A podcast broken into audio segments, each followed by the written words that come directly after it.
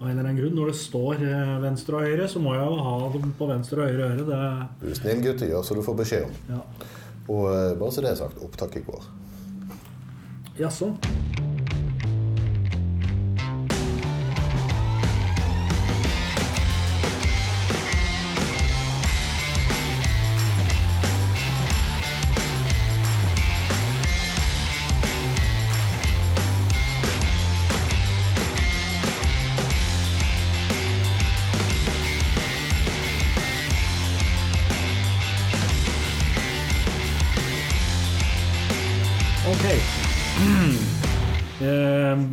Velkommen til eh, episode ni.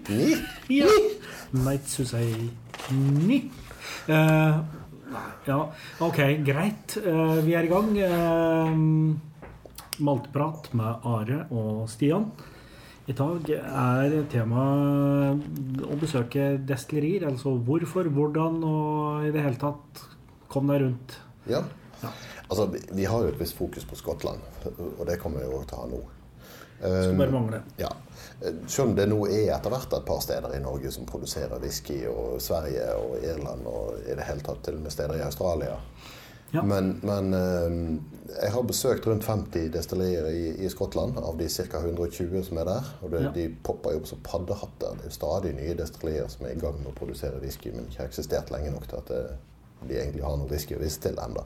Og så har det det vel vært oppe kanskje et par ganger før, men jeg har jo da ja, ikke besøkt et eneste destilleri i Skottland, så jeg sitter her nå for å lære. Eh, Jeg har av Ok, whiskyrelaterte ting jeg har besøkt, er altså Jeg hører på The Jameson Experience i Dublin eh, for 100 år siden.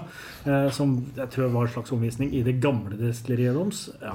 Jeg har faktisk bodd i Dublin i et halvt år, men jeg var ikke innom Jameson eh, Nei. Experience. Ja, men, var, men jeg tok toget opp til, til Belfast og stakk innom, innom uh, Bushmills.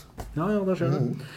Eh, og så har jeg nok en gang vært i Dublin eh, mange år senere og besøkt eh, Nei, men kjære vene, nå har jeg jo glemt hva det heter til og med. Teeling. Teeling ligger midt i Dublin. Så det, det er min erfaring med whiskydestilleribesøk oppsummert. Hvor Ola er ditt, Are. Men dette har du jo tenkt å gjøre noe med etter sommeren. Ja da. Jeg, nei, altså, min generelle unnskyldning i alle, alle år har jo vært at uh, nei, jeg bruker pengene mine på å kjøpe produkter av dem, så ikke reise dit for å se på at de lager produktet. Ja, altså, der, der har det jo Min min hovedmotivasjon med å dra til whiskydestillier er vel det, det er mange forskjellige ting. Men, men en av fordelene med å dra til et whiskydestilleri er at der får du ofte litt sånn spesialutgave. De har skjønt det at for å lokke folk til dette besøkssenteret som de har, i dyre dommer har bygget opp og betalt for, så, så hjelper det om de har en spesialtapning og de bare selger der. En del destillerier har òg denne der om at du kan få tappe din egen. Og det, det, er jo en, det er jo en gimmick i aller høyeste grad, men det er likevel litt artig. Selvfølgelig. Men så har du noen som jukser litt, sånn som Glenn Dronach, den tapp-selv-greia der. At der heller de fra en tønne over på en annen tønne som har ståltank på innsiden. Det altså en fake tønne. Ja, ok. Og så kan du få tappe fra den. Ja. Det, det dreper opplevelsen litt for meg. Altså. Det er jeg veldig glad i, men, men akkurat det der, det digger jeg ikke. Men, men på Glendronach eksempel, så har de 20 forskjellige sånn single-cask og årgangstapninger som du kan få kjøpt. Og det er masse ting som ellers er vanskelig å få tak i. Ja, ja det jo, og det er jo motivasjonen jeg skjønner. Eh, å få tak i ting du ellers ikke ville fått tak i. Sant? Og så er jo, jeg er jo også, må jo innrømme at jeg er jo interessert i produksjonen. Det er bare at eh, den har ikke vært prioritert. Det er litt sånn som at er, eh, det finnes en eh, klassisk lunsjstripe, jeg vet ikke om du har sett den? Bare, Mhm. Der de sitter rundt et bord og planlegger whiskytur. Ja, nettopp. Eh, hvor eh, Kjell eh, til, slutt si- sier ja, men da sier gutta her de, de, de er småbarnsfedre, så de, vi, altså det blir jo aldri noe av den turen, men de har jo glede av å planlegge den. Vi pleier å gjøre det litt omvendt. Altså. Jeg, jeg drar på to whiskyturer i året, minimum. Kan hende det er litt flere nå. Uh, der jeg planlegger den, an, den ene, og så den andre plages planlegges av en kompis. Ja. Uh, og jeg syns jo det er kjempegøy å planlegge disse whiskyturene. Eh, men det er litt greit når andre planlegger det òg, altså. Um, det, det, det, stritter litt imot når f.eks. Norwegian eller Logan Air eller hvem det nå er, bestemmer seg for å endre flyavgangen etter at hele kabalen er lagt. For da blir det sånn ringe rundt til destilleriene og si du, den smakingen, kan vi ta den to timer før eller to timer etter eller en annen dag? Eller? Og det, det får sånne følgeskader av en helt annen verden av og til. Men, men, men dette skal vi snakke litt mer om. Rett og slett mer Motivasjonen av whiskybesøk er jo det at jeg bruker ikke 10 000-15 000 på å dra på en whiskytur. Det, det, blir fort noe rundt om der for en sånn fire-fem dagers whiskytur. Ja. Uh, for å smake på ting du får kjøpt på polet. Det, det, gidder jeg bare ikke. Altså. Um, så det, at det, det, blir ikke sånn at vi drar til destillerier, og så, og så blir det de, de, billigste, enkleste omvisningene og smakingene. Det er ikke, det, er ikke verdt pengene. Da, da, kan du like gjerne bruke 400 kroner og så kjøpe den whiskyen på polet. Åpenbart. Men det betyr ikke sant, fordi at de fleste destillerier som ja, Mange destillerier har jo besøk som uh, business, mm. men de, de har da ikke bare en sånn derre OK, se på lokalet våre, og så får du en dram av 10-åringen og 15-åringen og 18-åringen etterpå. Altså, de tilbyr mer ja. eksklusive pakker, for å si det sånn, eller spesielle ja. opplevelser. Jeg vil, ja. no, noen gjør det. Altså, du kan, kan, vel egentlig dele det inn i tre grupper. Du har en gruppe som, som overhodet ikke tar imot besøkende i det hele tatt. Ja. Og så har du en gruppe som tar imot besøkende bare hvis de er spesielt interesserte og spør. Eh, de har ikke noe besøkssenter. De har liksom noe glass og noen flasker som står i et klesskap inne på eh, kontoret, men, men det er det. Eh, og jeg har opplevd å dra på whiskybesøk der vi har fått en fantastisk omvisning og smaking. Og så ble vi spurt om ja, Nei, du trenger ikke betale, men, men vi har en sånn charity box. Ja. Penger til veldedige formål. Legg noen kroner der, eller, eller dvs. si pund. Mm. Um, og så har du selvfølgelig de som har et besøkssenter og, og litt mer ordning på ting og, og sånne ting. Uh, og veldig ofte så er det jo dobbelt så mange som jobber på, des, på besøkssenteret som jobber i produksjonen. Ja. Sånn, sånn, er det ofte. Um, og så kan det òg litt variere hvem du får på omvisning. Generelt sett jo, jo større og proffere et destilleri er, jo mindre interessante er guidene. Altså Ta, ta f.eks. på eh, McAllen eller på, på en ganske andre store destillerier, så, så, er det folk som er ansatt bare for å være guide. Det kan være alt fra en student i sommerjobb eller en eller annen som bare er omviser. Og hva de kan, er veldig ofte litt begrenset. Det, det kan være liksom denne her eh, vanlige, vanlige leksa de har lært seg. Ja. Og det er helt ok for en gjennomsnittlig turist, men hvis du er whiskyentusiast, så vil du gjerne stille litt sære spørsmål, og så Nei, du, det vet jeg ikke. Nei. På Glenn Ord f.eks. Så, så var det en, en guide som eh, bare kunne standardtingen, og hver gang du spurte om noe, så fikk du svar nei, jeg vet ikke. Ja. Mens på et såpass eh, egentlig ikke vel ansett destilleri som Bønnevis Mm. Det er mange som har en litt sånn eh, problematisk forhold til, til Ben Nevis.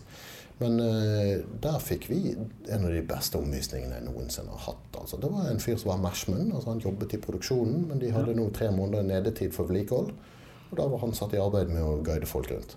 Og vi klatret høyt og lavt og stakk hodet ned i destillasjonsapparatene og opp og ned av stiger oppunder taket. og Fotograferte fra alle vinkler og greier.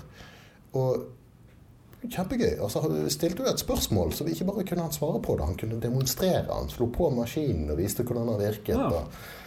Eh, da blir det noe litt ekstra. Og, og, spesielt gøy var det jo når vi, når vi gikk derfra og destillerimanageren kom bort til han fyren som hadde guidet oss rundt og spurte hvordan det gikk. For dette viste seg å være hans første omvisning noensinne. Å oh, ja. ja. Men han, eh, han, kunne faget? Ja, ja, det er akkurat det. Så det, det, er litt sånn hit and miss på hva folk kan. Men, men det, det er òg noe med, med dette her om at når du vises rundt på et whiskydestilleri har, du, har du sett det, så har du egentlig sett 90% av det for neste òg. Ja, ja. Så det etter de første par destilleriene så begynner omvisningen å bli litt kjedelig. Mm. Fordi du har sett det før. Ja. Men samtidig så begynner du etter hvert å, å våkne til forskjellige eh, nyanser i hva de viser deg. Mm. Det kan være de har forskjellig prioritet på, på uh, hvordan kornet skal være kvernet, eller hvor lang gjæringstid de har i meshen eller hvor de har cutoffen på destilleriprosessen. Ja. Hvilke alkoholstyrker som blir tilbakeført for å destilleres på nytt. Ja, dette er jo de nerdete detaljene som du liksom Ja. eh, ja, du kan lese deg til noe av det, men ja, jeg skjønner at det Altså det, det, er jo, det er jo en veldig vanlig sånn gjæringstid er sånn 60-70 timer. Og så plutselig er det noen som bruker 100. Ja. Og da begynner du å lure på ok, hva har dette å si for smaken.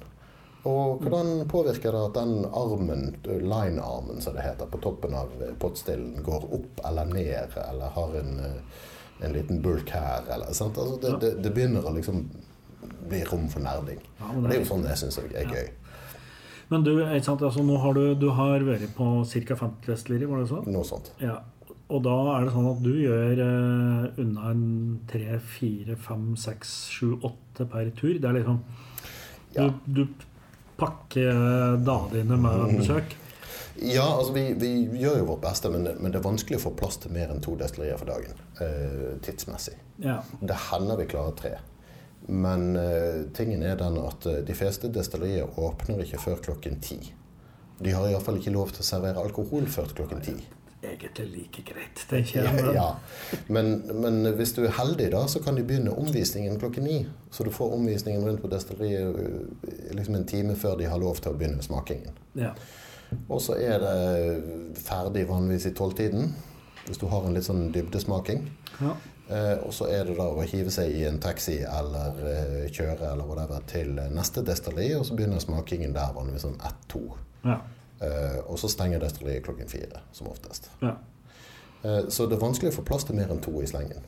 Men et par triks når det gjelder dette å reise på, eh, på destilleritur. Vi, vi pleier da å fly fra enten Bergen eller Oslo. Eller, det, det er stort sett det som må til. Til Aberdeen, Mm. som jo ikke er så langt unna Speyside. Så pleier vi å begrense antallet folk på disse turene våre til fire. Mm. Eh, fordelen med det er at da passer du inn i en vanlig taxi. Riktig. Eh, skal du være mer enn fire, så må du nesten ha en maxitaxi hvis det skal være noe som helst komfort involvert. Ja, for det, altså, så, eh, åpenbart, du pleier ikke å kjøre rundt med en som er sjåfør. eh, Altså, du betaler noen for å være sjåfør. Ja, for hvis du er fire stykker, Ja.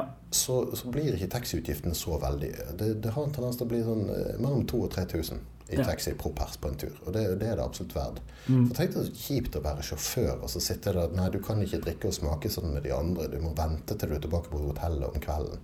Ja. Jeg sitter har, eh, jeg har kjørt rundt et par dager i Piemonte i Italia på vinsmaking. Da var jeg så heldig at jeg hadde med meg min gravide kone, så det løste seg jo veldig fint. Ja. Hvis hun har sertifikat, da.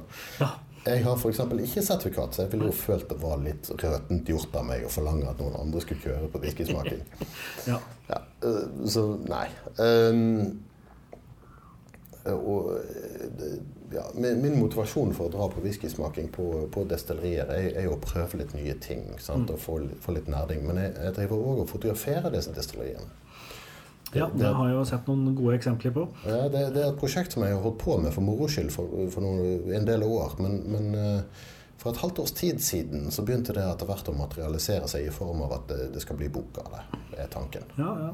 Vi jobber med å få et forlag til å bite på, men, eh, men eh, det, det er da en annen kar, jeg skal ikke nevne navn sånn foreløpig, men, men som skal skrive. Han er veldig kunnskapsrik om, om whisky, og så eh, skal jeg fotografere.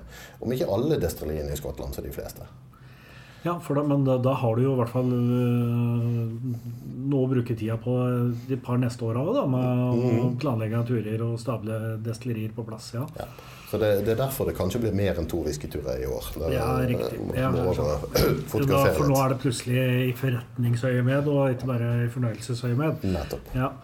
Men, men, men eh, for det er jo en ting, jeg er jo helt grønn på dette her. Og mm. jo, jeg, som du nesten nevnte i stad, jeg skal på min første tur eh, i mai. Og da skal jeg til Campbelltown. Og det, det er litt sånn Jeg har jo holdt igjen litt på serviceturer, for at det, det er helt umulig for meg å reise til Skottland uten å reise til Springbank. Liksom jeg kan ikke dra og besøke noe annet før jeg har besøkt Springbank.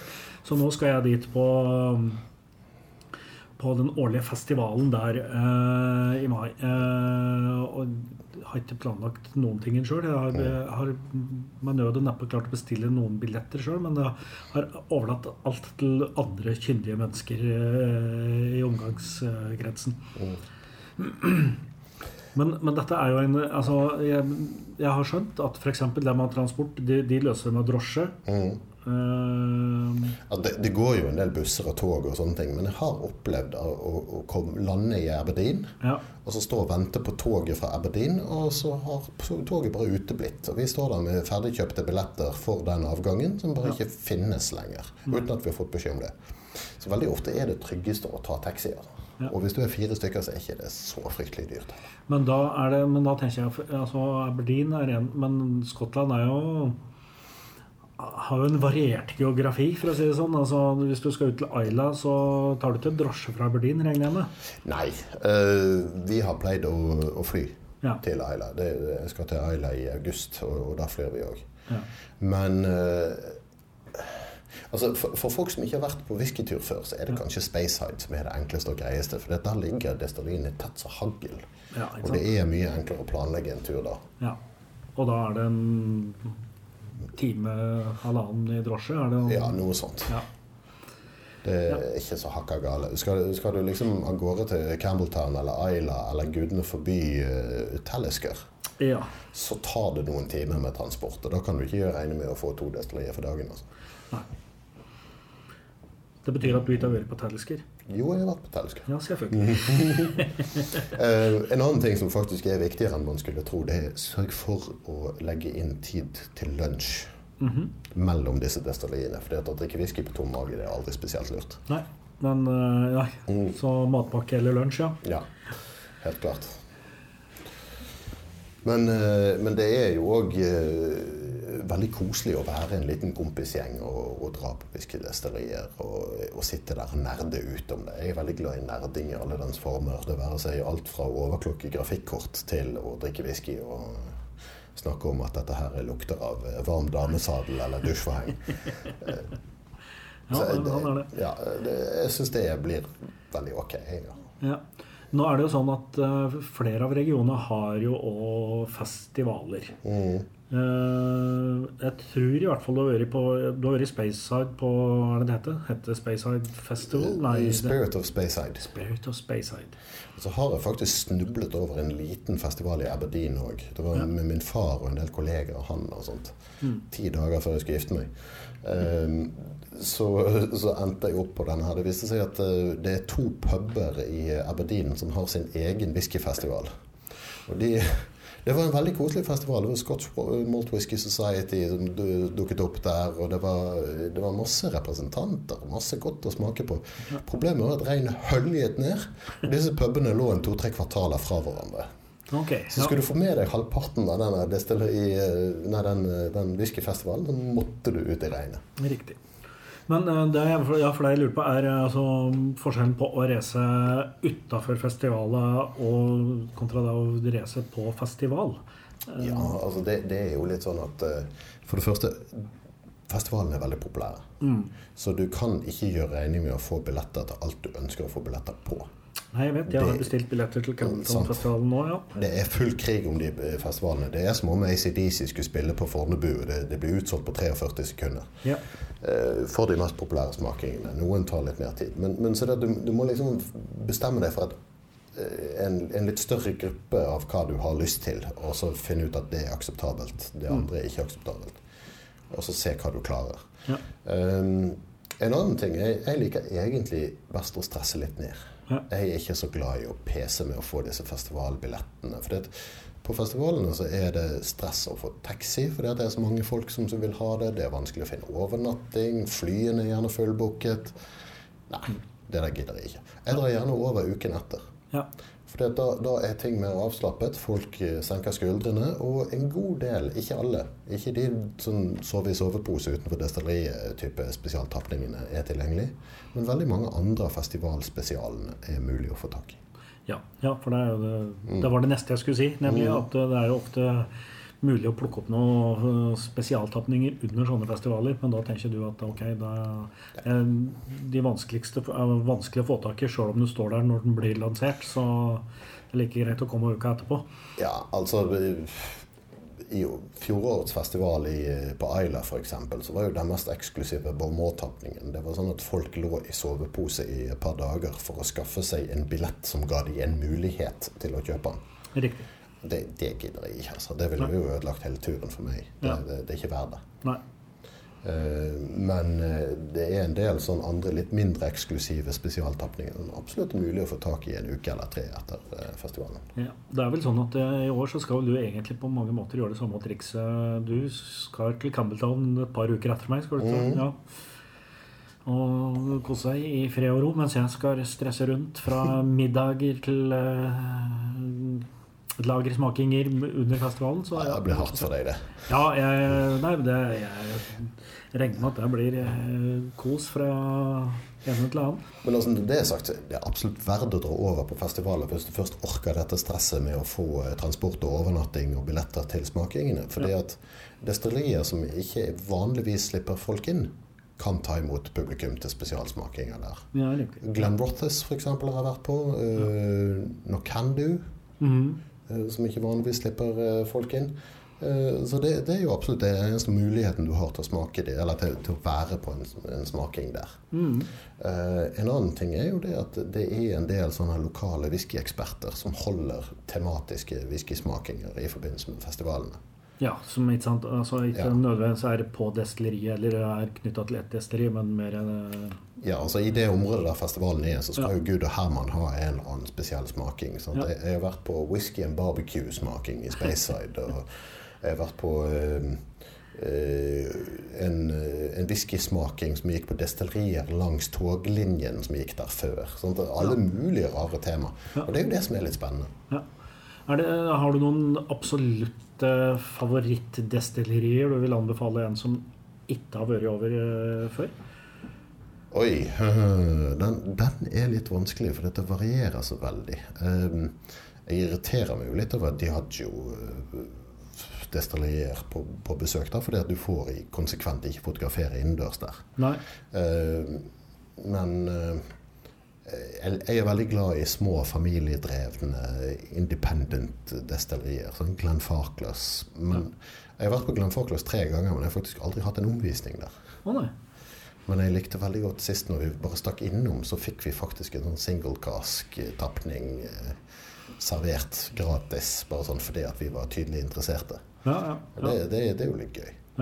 Men det, det er òg en ting. Nå, nå, skal vi komme gradvis over på det vi skal smake i dag. det er at eh, en, en, ting som er fint på en del destillerier, at du, du, får smake ting rett ut fra tønna. Det er tønner som aldri kommer til å bli tappet på flaske. Og bare ligger der, og så får du tappe det i en liten flaske eller en smaksprøve eller noe sånt. Noe, ja, ja, det, det, det, hjelper litt med opplevelsen. Jeg ser jo, ser jo, helt klart den faktoren. Mm.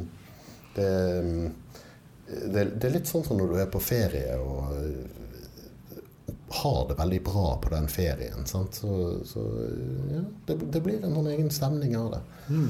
Mm.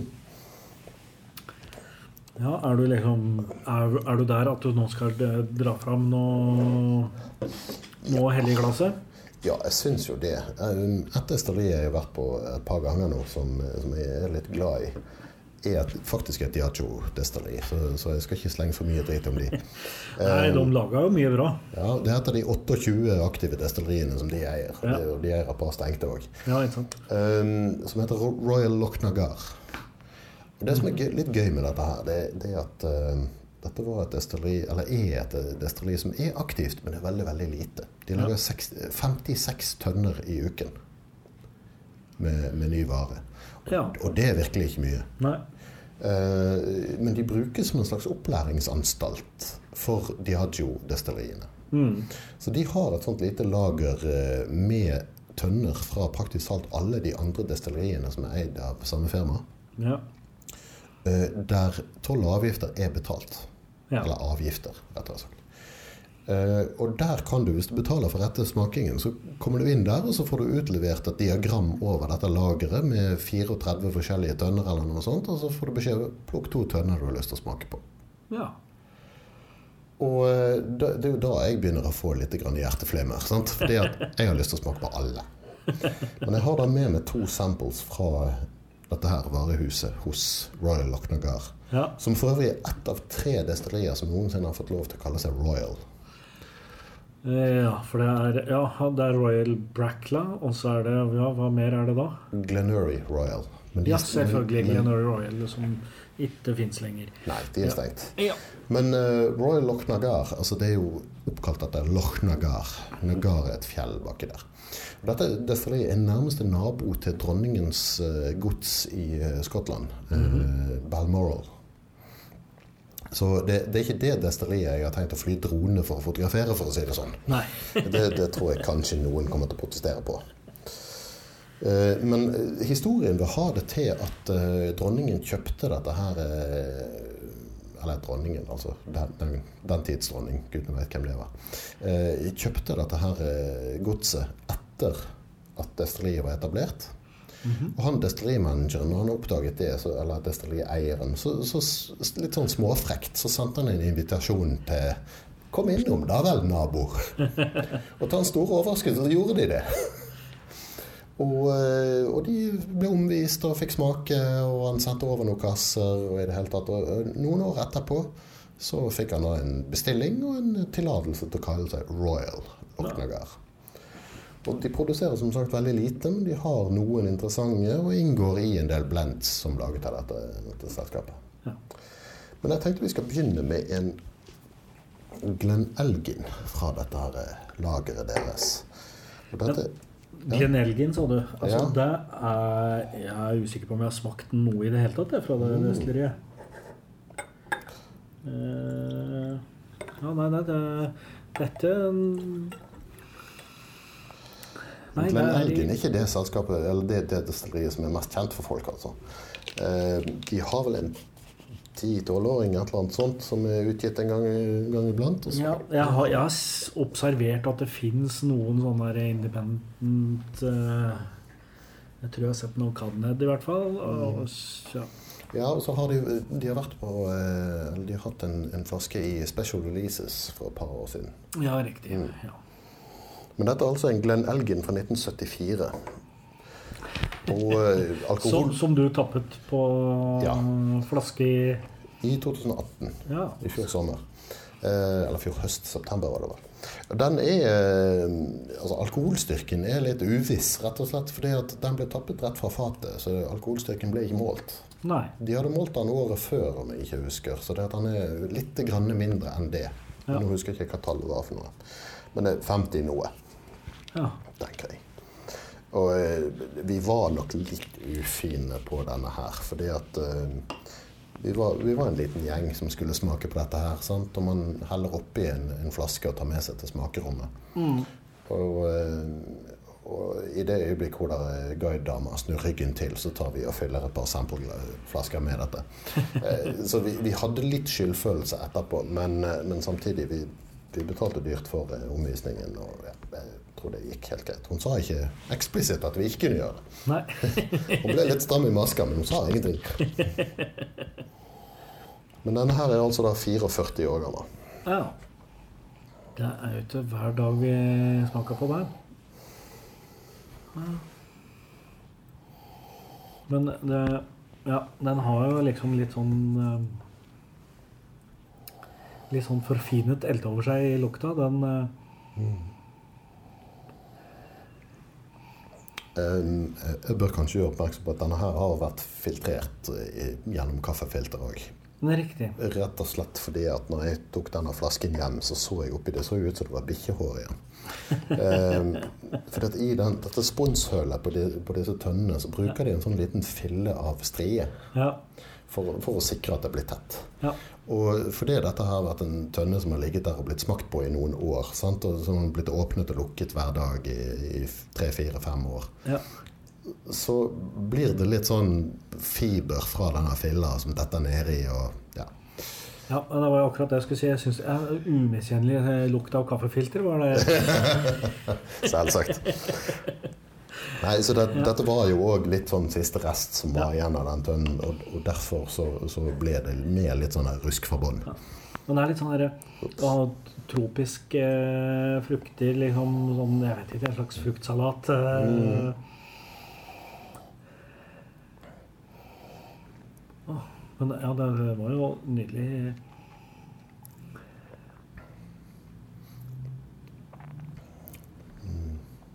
Mm.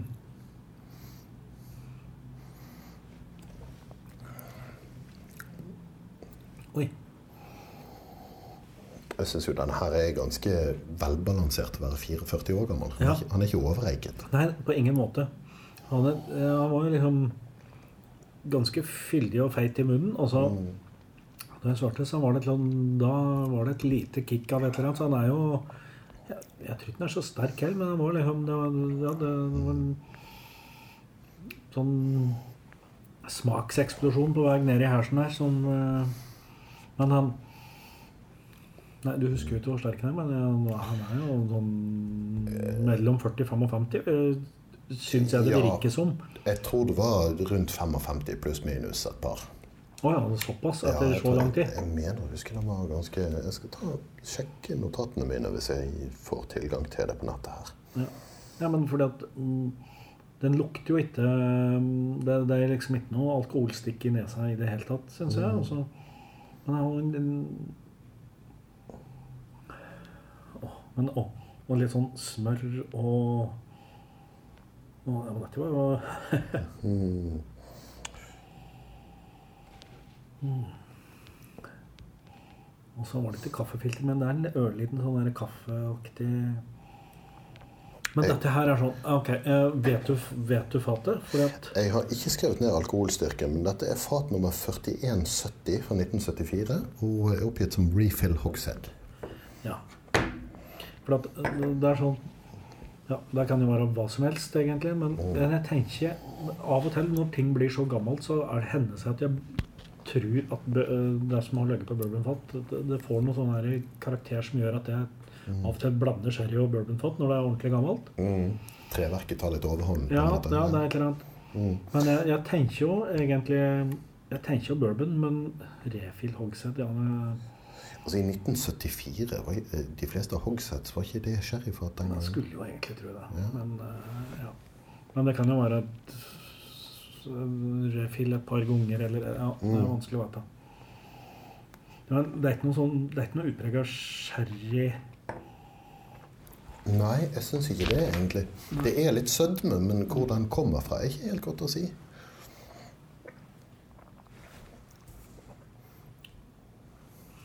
Jeg syns jo òg det, det er verdt å nevne at på sånne whiskyturer så, så er det veldig ofte litt egne Eller veldig ofte, av og til så er det litt egne rom du blir tatt med inn i. Med litt sånn gamle skinnmøbler, Chesterfield-møbler, og det er utstoppede laks på veggen. Og, eh? Det, det, er en egen stemning å sitte der i det som kanskje har vært det gamle styrerommet for et eh, 100 år, 200 år gammelt destilleri, og så sitte der og smake. Men det er jo ikke alle som har det sånn. Noen har jo litt mer, mer nye, nyere fasiliteter. og Ja. du blir servert f.eks. seks forskjellige sjokolader som du skal pare til whisky. Det, det finnes veldig mye varianter. En minneverdig smaking jeg hadde på Kalila. Og Derfor fikk vi utlevert hver vår helflaske av eh, Johnny Walker Black Label. ja. Også en del andre eh, destillerier eh, representert fra, fra det som går inn i Black Label. Så får vi beskjed vær så god, lag din egen sample, eh, din egen blend. Eller forsøk om du klarer å matche Black Label. Ok, ja. For, ja, for du satt liksom eh, det Ja. som var ingredienser. Ja, Hovedingrediensene, iallfall. Ja. Du fikk en fem-seks eh, hovedingredienser. Kanskje ikke liksom alle 20. what- Det er ja, det, er- ja, det er sikkert en mengde der. Men, eh, men det var litt artig. Jeg laget en jeg kalte Splendid Blended. Ja, ja. Ah. Men nei, dette var bra, Are. Mm. Det er, det er en sånn egen ro over en gammel whisky. Som er litt sånn Du blir nesten filosofisk bare du stikker nesa opp i glasset. Altså Etter 44 år på, på treverk så blir man litt rund i kantene. Det, Ja.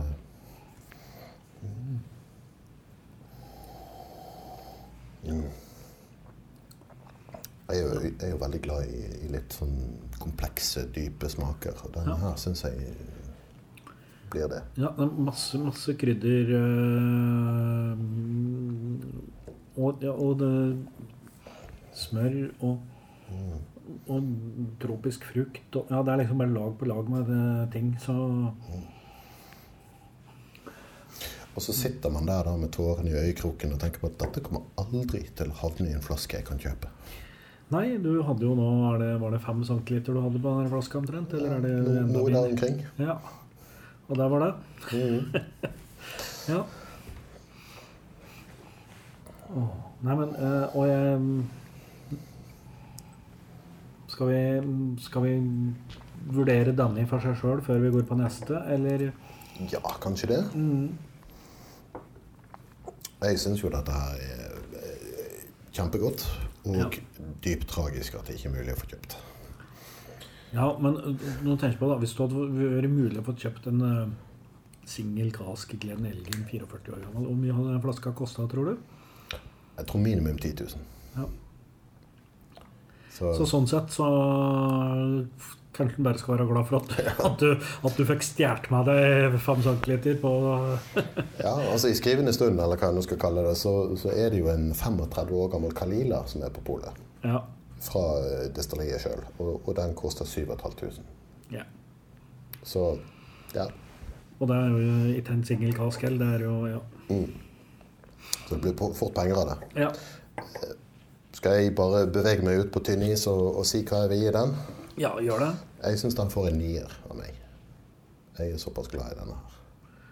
En genial, ja. Denne whiskyen husker du i lang tid som noe av det beste du har smakt. En sjeldenhet, ja. Som du årvis sammenligner med nesten alle andre whiskyer du smaker Denne står i destillerimanagers eget CV som et høydepunkt i karrieren. Ja, Jeg tror vi er det. for meg omtrent der. ja. Jeg tenkte jeg Jo. Nei, ja, bare for at vi ikke skal alltid være helt enige. Da, så jeg, jeg satt og tenkte åtte og en halv.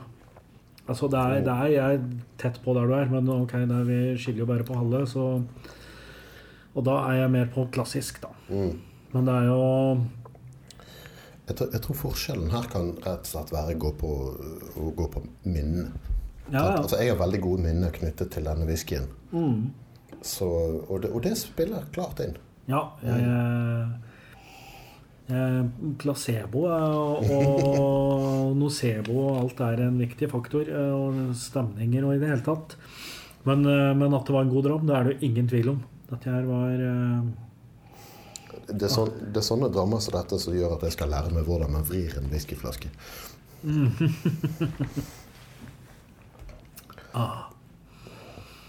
ja. Skal vi gå over på neste mens vi har litt igjen? ja, sånn at vi kan gå tilbake for Ja. sammenligningens skyld. Å, wow, men det er fantastisk, altså. Da skal jeg helle i før jeg har lyst til å si hva det er for noe. Da skal du få et glass fra meg. Ja, takk, takk.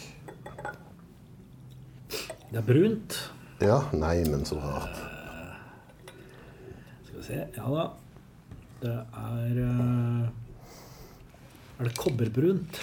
Er det der vi Han er iallfall mørkere enn den forrige. Ja, Beskrivelse av farge syns jeg jo egentlig er nesten plent umulig. Ja, sant.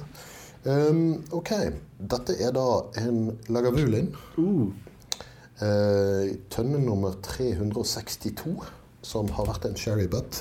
Og Dette er en Lagavulin fra 1993. Og Den ble òg tappet av i, i sommeren 2018. Så alkoholstyrke atter en gang aner ikke. nei. Det er, den er fra samme eh, lageret på eh, Royal Lochnagar. Eh, men det er 25 år gammel cask strength Lagavulin. Ja. Jeg syns jo Altså, eh, Lagavulin er jo sånn der klassisk destilleri, men de har jo få tapninger altså, tilgjengelig. Så hver gang jeg liksom har muligheten til å prøve noen spesialtapninger, eller ja, som jeg tilfeller her, så syns jeg jo det i seg sjøl liksom er eh, kjempeinteressant. Mm. Dette er et av mine favorittdestillerier. Ja. Men jeg, jeg synes jo dette, dette er min Det lukter litt sånn røkt sild, nesten. ja, nå er jo ikke sild akkurat noe jeg befatter meg så ofte med, men eh, Kippers. ja. Det som, ja. er Nei, men jeg, ja, jeg ser den litt sånn det som er litt gøy for meg, er at denne tønnen smakte jeg tre år tidligere òg. Wow. ja. Eh, Første gang jeg var på dette destilleriet, det, det var, var da tre år tidligere. Og da var den 22 og ikke 25. Og sam, samme tønna. Ja. Nå husker jeg jo ikke helt klart hvordan det smakte, eh, bortsett fra godt, liksom. ja. Men, eh, men det er litt artig at jeg har smakt den når jeg var 22, og smakt samme tønne når jeg var 25. Det, det er ikke en opplevelse man får gjøre så veldig ofte.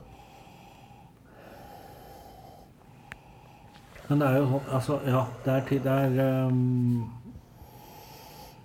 uh, Ja, det er, det, er, det er jo røyk. Det er uh, for å liksom bli kvitt, de, uh, kvitt de åpenbare Men det er noe sånn mm, Ja Tre, men altså litt sånn vasstrukkent et eller annet Ja. Det, det er jo en del sødme i dette. Ja. Altså det, det er jo et sherryfat og det, med alt det som følger med der. Ja. Og jeg er som kjent veldig glad i den kombinasjonen sødme og røyk. ja.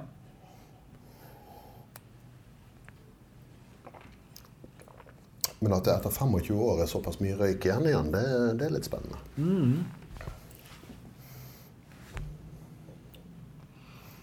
Å, har man dette mhm. Ja,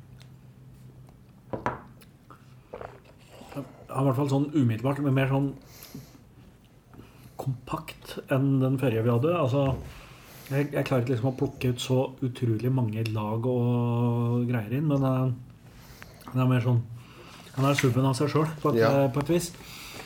Uh, Og, og tross at det, det er merkbar røyk, og, Ja. og sånne ting, så er han ganske rund. Han, Ja, ja. han er ikke spesielt kantete og flisete. Nei.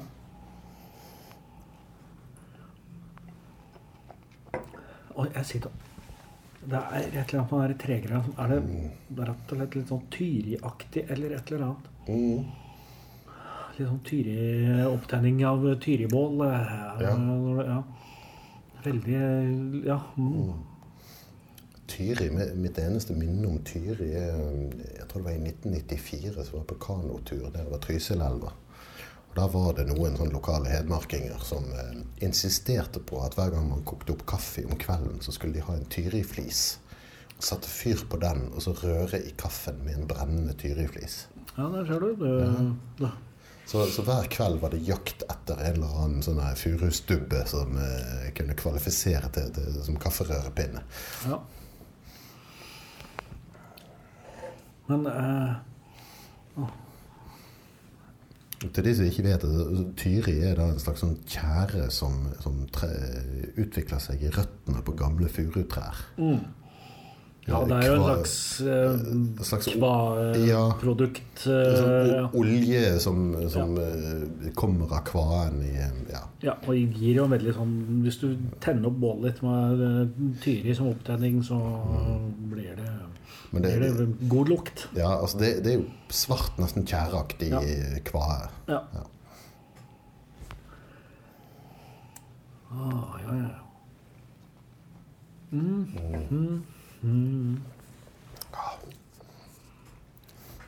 Å, det er det. Det var noe jeg, jeg var nettopp og spiste på en restaurant i Bergen på min mors bursdag. Og der fikk vi noen, eh, noen hjemmelagde knekkebrød som en slags sånn her forforrett. ja.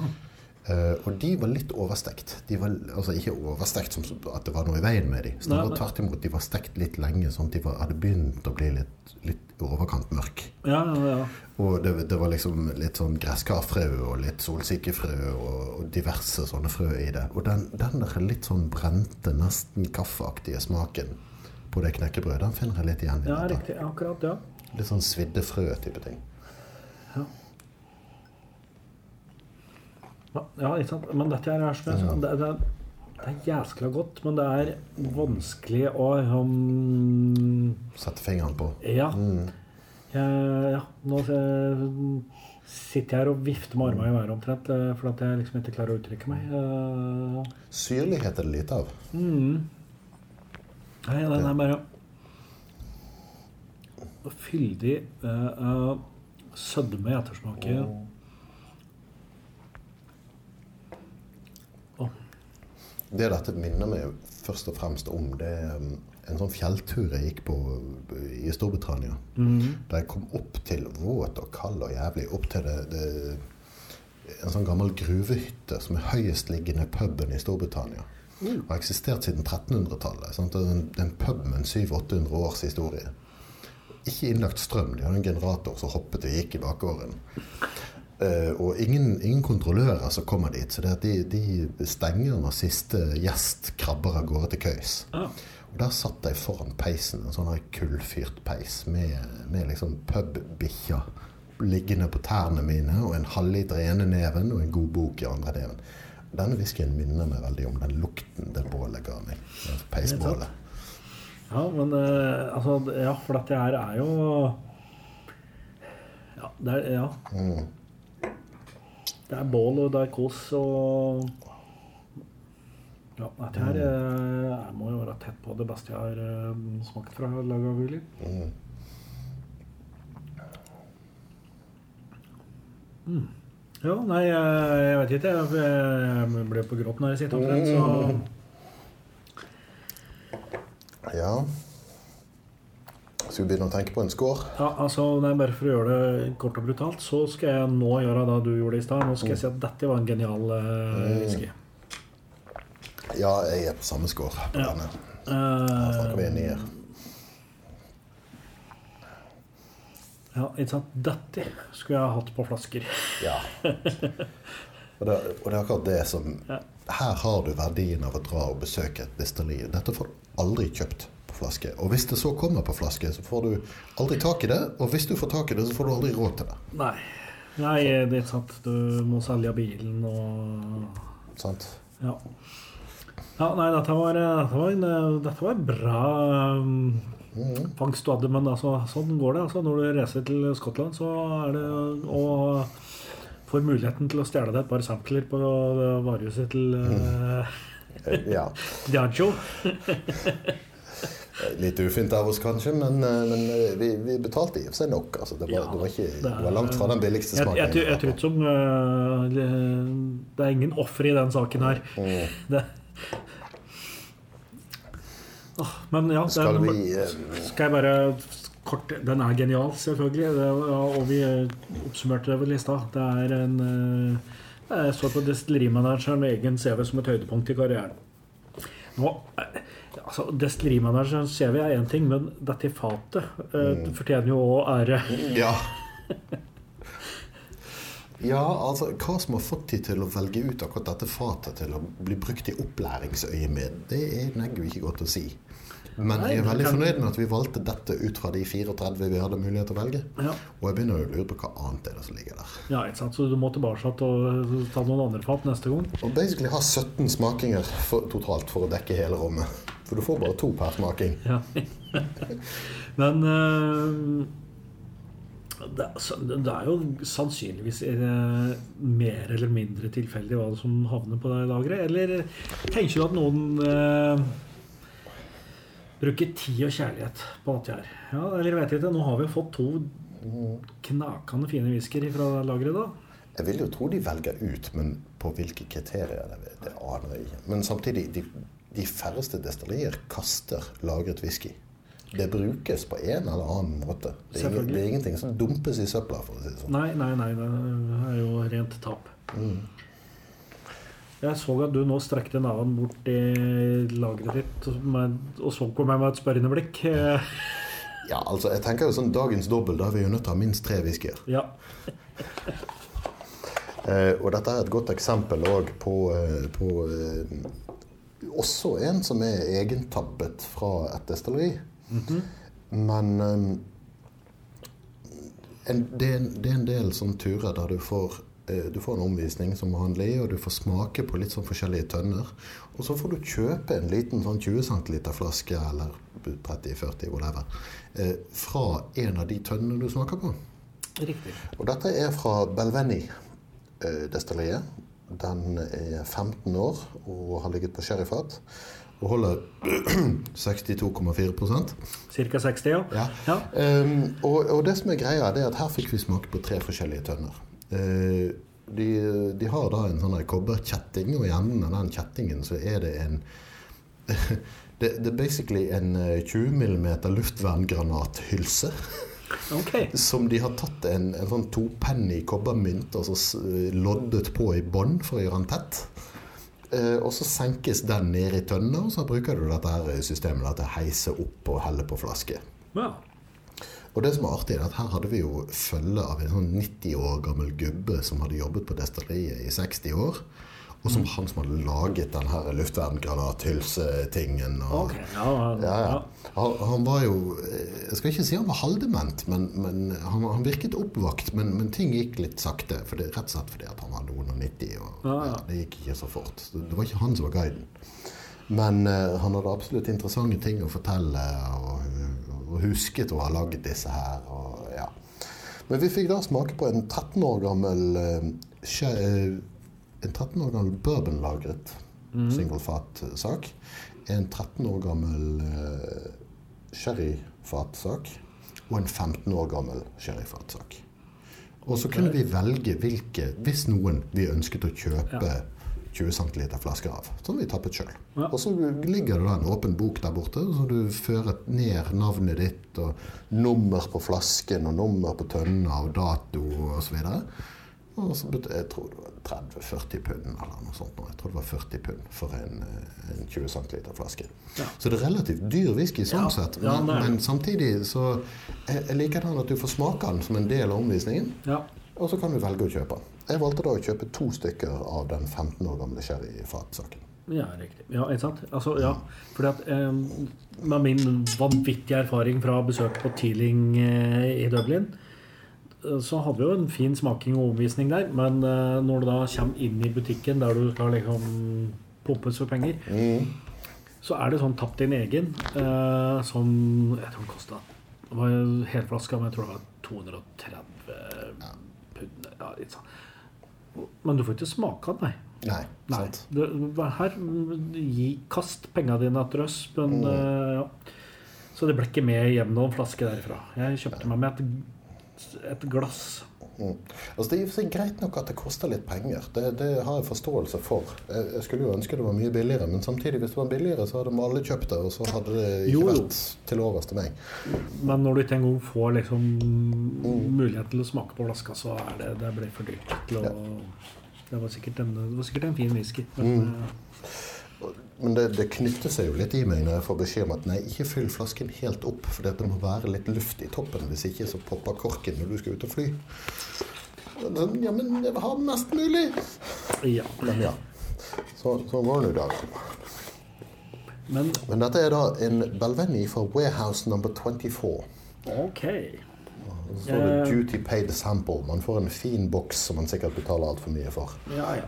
Men dette her er jo altså det- Dette destilleriet her er liksom på lista mi over eh, sånn anbefaling til folk som er litt sånn på vei inn i whisky. Eh, fordi at jeg sjøl eh, på et eller annet tidspunkt hadde veldig glede av 12 Year Old Doublewood Noms. Og som liksom Den er vel trappa på 40 eller 43% og er en, er en lettlikelig whisky. Ja. Eh, men eh, de eh, har jo absolutt andre tapninger som liksom strekker, Altså, strekker smaken. Belveni er et destilleri jeg har veldig mye til overs for. De produserer store mengder. De, Ja. det, det er mye som produseres der, men det går ikke utover kvaliteten. Nei. Jeg syns de har veldig mye godt. Og omvisningen vi fikk, var veldig fin òg. Omvisningen og smakingen Uff da, nå har jeg sølt her. Det var ikke meningen. Jeg må bli nødt til å slikke dette båret. Ja. Um, Men dette er jo tydelig um, Her eh, Nå har jeg, har jeg nasaen i glasset ja, mens jeg prater. Dette er jo tydelig sherry, litt sånn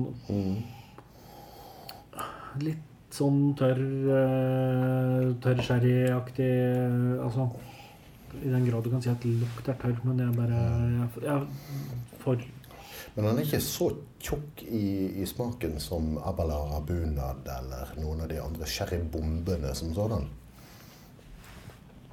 Nei. Jeg husker eh, den jeg likte nest best på denne smakingen. Det var den 13 år gamle bourbonkasken. Mm. Eh, og 13 og 15 år det er jo ikke noen sånn spesielt stor alder for, eh, for en single cask. Nei, nei. Nå har, er det 15 år single barrel er vel en serie fra Ja. Bel- eh, og jeg, det har hendt de har hatt en 12 år gammel single barrel òg, tror jeg.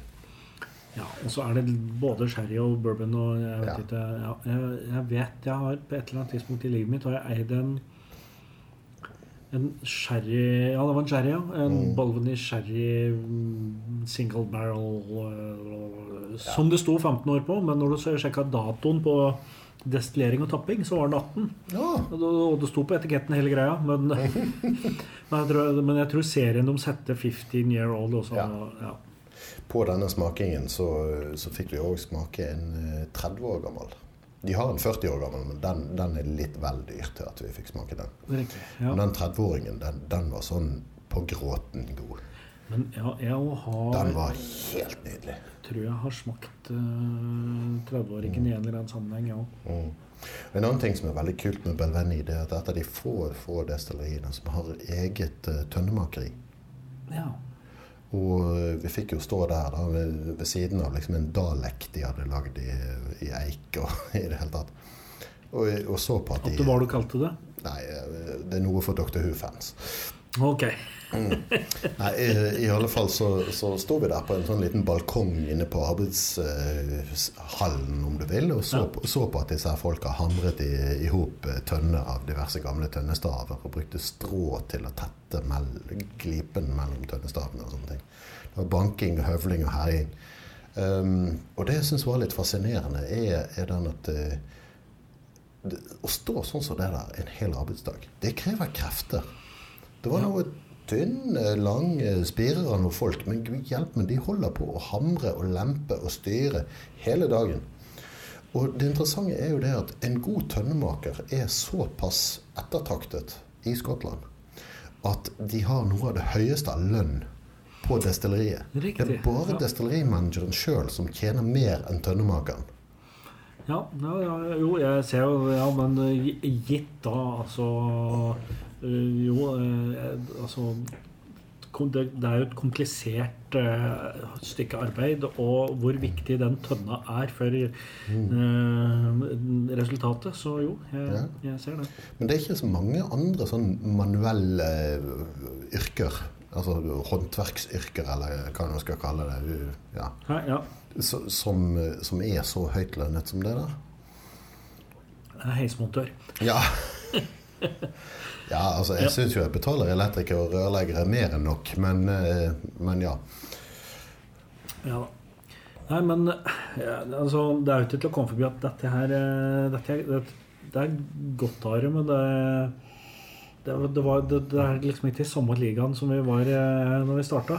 Nei, det, det er jo ikke det. Men, men det er vanskelig å få til òg, Ja. rett og slett. Det er jo det. Men eh, Ja, nei, det, det er Men jeg, eh, får nesten en litt sånn syltetøyaktig følelse av denne her. Det, det er noe Det er nesten honning, altså den, den sødmen i denne. Den er mye kraftigere enn jeg er vant til.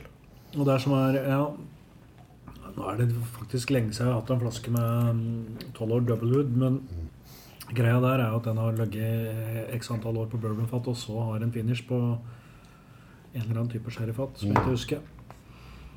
Men det, jeg tenker at honning er liksom er et eller annet som er i kjernen på mm, Bolveni, men Mm. ja. Vet du hva jeg syns er litt fascinerende? Nei. Du har ikke engang nevnt behovet for å ha vann i denne, til tross for at den holder ca. 60.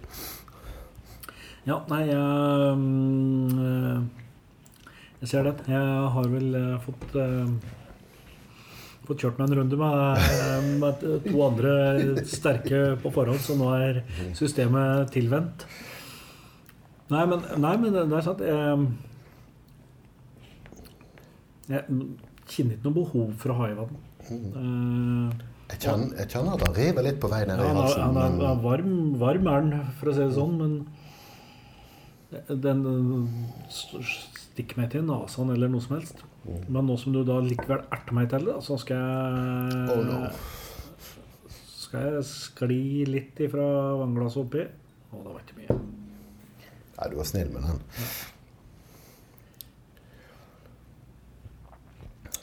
Ja. Jeg, jeg bør kanskje Den første Belveni jeg noensinne hadde, det var en eller annen single cask.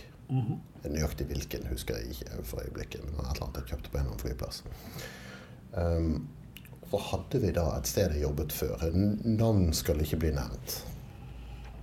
Men så hadde vi en del folk som, som trengte å bli opplyst om hva god whisky var. ja. Så jeg tok med meg Det er jo mesteparten av befolkningen, men nei da. ja, ja. Du, du, du, får kalle det misjonsvirksomhet. ja. Men iallfall så, så skulle vi ha et, et, julebord. Og jeg fant ut det at til, til forfesten her så tar jeg med meg to gode whiskyer. Så jeg tok med meg en Rosebank. Ja. Som jo er noe av det som stiger mest i verdi for tiden. Ja. Og så en single cask Belveni. Ja. Og lar de få smake litt, og, og låser det hele inn i skapet mitt på jobb. Og vi går og spiser og koser oss og har en fin julebordskveld. Når jeg kommer på jobb mandagen etterpå, så viser det seg at nei, noen fant ut de skulle ha nachspiel. Og hadde da dermed brutt seg inn i mitt skap og tømt den Belvenny single-casken. Det var litt igjen av, av Rosebanken drukket med cola og det, det, Ikke si det engang. Ikke si det. Jeg vil, jeg vil, ikke vite hvordan de bøttet ned på dette stoffet. Eh, de er fremdeles venner av meg, men det er bare så vidt. Ja. Nei, det, ja, det er en sånn perler forsvinn-historie, det der. Ja.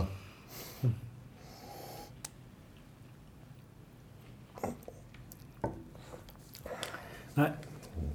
Um, hva mener vi om at jeg er rare, sånn innerst inne? Altså, det, det, er noe med selskapet her. Mm. Jeg syns denne her er jæklig god. Uh, unnskyld fransken. Ellers ville jeg ikke kjøpt to flasker av den i Dyredommer. Uh, samtidig så er det jo klart at han, han, når ikke helt opp i dette selskapet. Nei, han gjør ikke det. Men det er vanskelig for meg å gi noe lavere enn en åtter. Ja.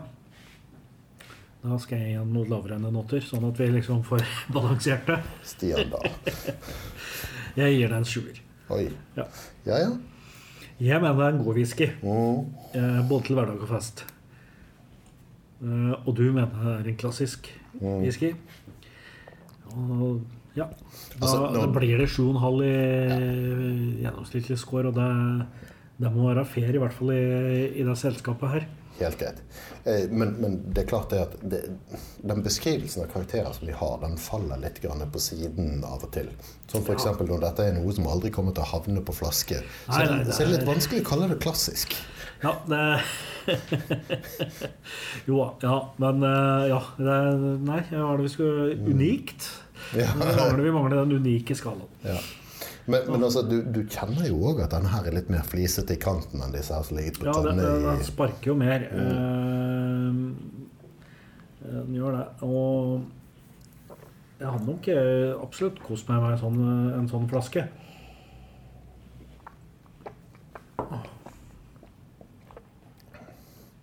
Ja, når jeg kjøpte to, så er jo tanken at én er for drikking, og en annen er for sparing til en senere anledning. Sparing til senere drikking? Ja. Ja, ja. men det er jo sånn. Ja. Jeg har ikke tenkt å ha et edru gløtt i pensjonistalderen. Det, det, det, er av og til jeg ser på whiskysamlingen min som en eneste lang forberedelse til å bli pensjonist. Ja, det, det gjør til en viss grad, ja. Men jeg syns jo det er vanskelig. Mm. Uh, for innimellom så griper seg av det der hva med jeg dør i morgen? Ja. Ja, altså Hvis man drikker nok whisky, så føler man jo at man dør i morgen. Jo, jo. Eh, men det, det, er tanken på at eh, å spare for lenge Nå jeg har absolutt flasker i, i, innerst i hylla mi òg som ikke har sett dagslys på flere år og ikke får se det på eh, lenge, men eh, Har du en rekke med flasker som du tenker at denne skal sprettes på 50-årsdagen? Ja. ja. Samme her. Uh, de fleste av dem så står det 1973 på. Ja. Uh, ja. Og så er det litt sånn altså, Nå som jeg begynner å nærme meg 50 år, så har jeg begynt å tenke at uh, Kanskje 60? Ja, kanskje 60, ja. så vi får se åssen dette her går. Uh, Jeg, jeg, tenker at det er ikke alle 50-årsflaskene mine som jeg kommer til å åpne på 50-årsdagen. Rett og slett fordi at det, det blir for tett felt. Ja, nei, men det er sant. Det er, ja, det er, det er så mye det er, det er, så vanskelig dette året. Vi, mm. Egentlig burde vi kanskje bry oss mindre om det og sprette mer, men jeg vet ikke. Men du er jo 73 årgang, akkurat som jeg er. Ja, ikke sant? Kanskje vi skulle hatt en felles whisky 50-årsdag? Ja. Eh, det, er, det er fortsatt fem år til, men ja, jeg ser jo ikke bort fra at det Ta, ta en eller Det er fem, du. Ja, det er fire blir det snart. Det er brått fire. Ti- Tiden flyr. Ja. Jeg syns jo det er litt skummelt at uh, første gang jeg var nede og besøkte svigers, så var det i 50-årsdagen til min svigermor. Og nå nærmer jeg meg 50. Ja, nei, men det, La oss prate om noe som er hyggeligere. Are. Jeg har nå nemlig åh, fått nesa opp, for, eh, opp i siste rest av La- Lagavulin her. Jeg. Om, eh, Ja, altså, dette med å besøke destillerier, det, det er en kabal. Det Ja, er, det det er en litt slitsom Men så, for en ordensfrik som er ganske morsom eh, øvelse å planlegge. Men- men, men det er absolutt verdt det òg, altså.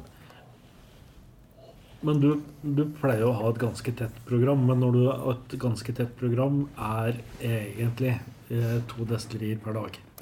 Ja. Det, det er tett nok. Hvis du da befinner meg Men eh, ok, fins det noen plasser i Speyside der du kan bo og traske rundt og rekke tre på en dag, f.eks.?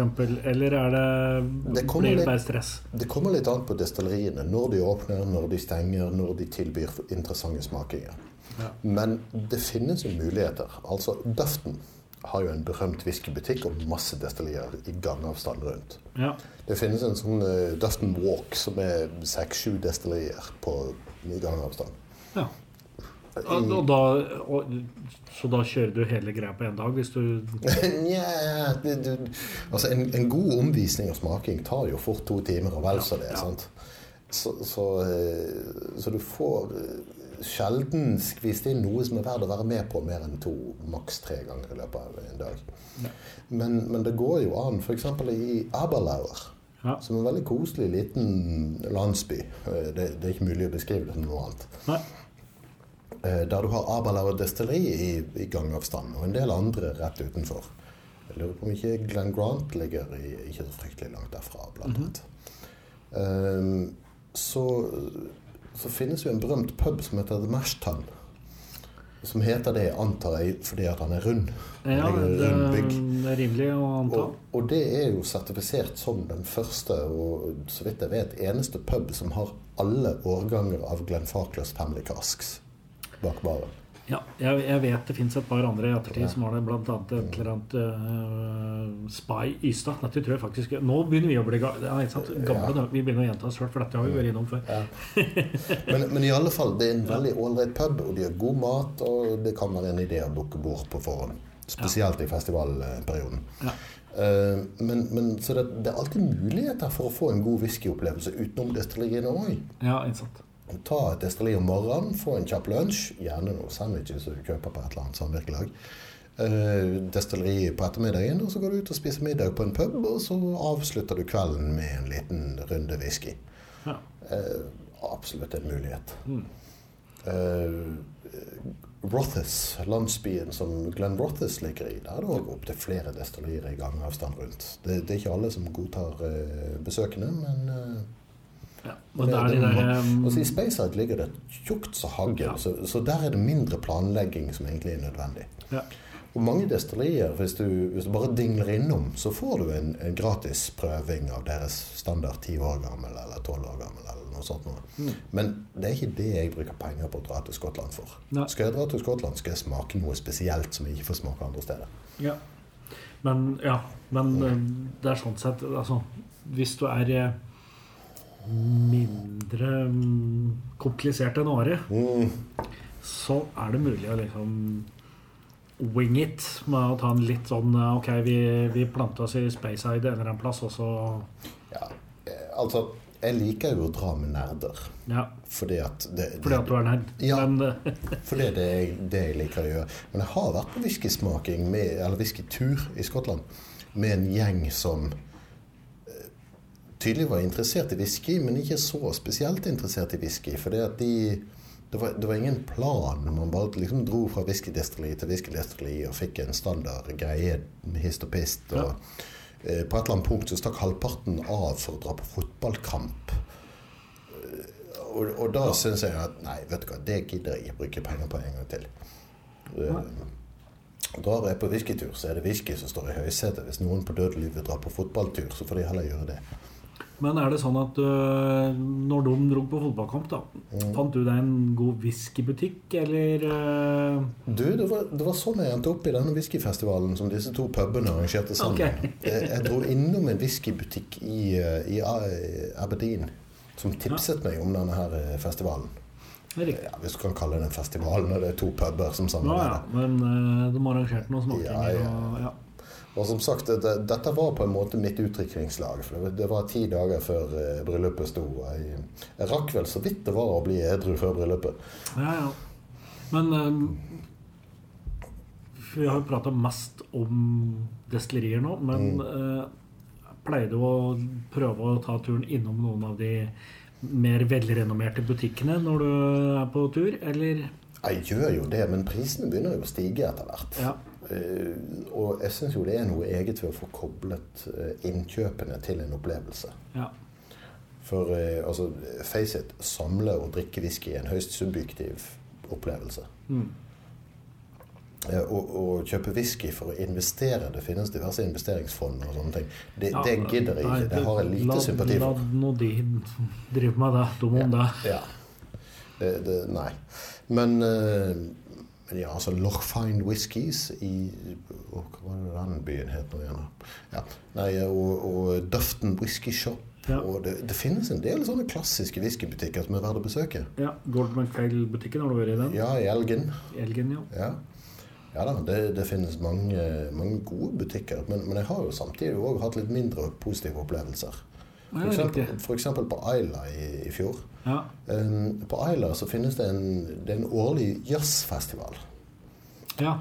Og eh, jeg dinglet innom en eller annen dagligvarebutikk der, der de hadde en spesialtapning av Lagavulin av denne jazzfestival-tingen som var noen måneder tidligere. Og jeg tenkte å jøss, dette er min eneste sjanse på å få den. Så jeg betalte 120-130 pund for den. og noe sånt. noe. Og gikk ut derfra, og dagen etterpå så hadde jeg en smaking på destilleriet på Lagavulin. Og fant ut at der hadde de den til 90 pund. Ja. Så jeg Tapte 400-500 kroner på, på å være litt overivrig og kjøpe den på en eller annen sjappe. ja. ja nei, men nei, for at det er, eller, I den grad jeg oppsøker butikker med muligheten, så er det jo for å se om de har noe gammelt som, Mm. ikke, som ikke kommer til å komme på polet. Ja, veldig ofte er jo dette her overpriset så det holder, men det, Ja. det går an å gjøre varp òg. Altså. Ja. Jeg har f.eks. En, en jeg angrer på at jeg ikke slo til. Og dette kommer til å høres litt hårete ut, men eh, det var en sjappe på Ayla som hadde en Port Ellen til bare 10 000 kroner. Ja. En, en, Um. det var vel en Douglas Lang Olden Rare Port Ellen til 10 000. Ja. Og tror du meg, det er billig. ja, det er altså ja, det er, det er vanskelig å kalle det billig, men jeg skjønner hva du mener. ja, altså, altså På auksjon så går han for det dobbelte. Ja, ja da. Ja, ja nei, er, ja, det Nei. er sånne ting som skjer. Jeg angrer litt på at jeg ikke hadde råd til å kjøpe den da. Ja. uh, vi begynner vel å liksom nærme oss en slags eh, ja, Konklusjon er jo vanskelig å si at vi har, men uh, at, at vi liksom Ja, altså Generelt så vil jeg oppfordre folk som har interesse for det, at eh, jo, eh, å bruke en 10 000-15 000 på å dra til, til Skottland på whiskytur, det kan utmerket godt være verdt det. Du får veldig mye god whisky for de pengene, men samtidig eh, Hva verdi vil du sette på å få smake på ting og oppleve ting som du ikke får gjort ved å bare sitte i Norge? Ja. Jeg skal eh, snart til Campbelltown, så da skal jeg rapportere tilbake. Gjør det. Vi tar en Campbelltown spesial etter at vi begge har vært der.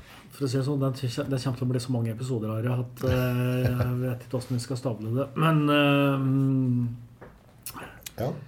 Men når vi, når vi begge to har vært i Campbelltown i sommer Jeg har aldri vært i Campbelltown før. Nei, det, det, det, det blir nok eh, noe Det blir prat om litt Springbank da. Og så får vi se om jeg får tid til å nevne Glenn Scotia og Kilkerran og Ja, vi skal innom Aaron på returen og en del andre destillerier. Men ja. Mm, Er det sånn eh, Ja, send ris og ros på hovedkontoret at malteprat.com. Ja. Gjerne ønsker om eh, tema. Ja. Har du et favorittdestilleri vi har unnlatt å nevne så langt, så gi oss beskjed. Eh, så kanskje vi mm, Vi skammer oss dypt for at vi har glemt akkurat ditt favorittdestilleri. mm, Ja, eller gjør vi det? Ja, det, det kommer an på. Men, ja. men kom med forslag. Ja. Vi eh, fikser det meste, vi. Ja. Det Instagram, malteprat.com. Og Facebook, Maltprat. eh, Søk på Maltprat, så finner du oss. Ja, Den er god. kos deg. Eh, Skål. Skål. Slangiva.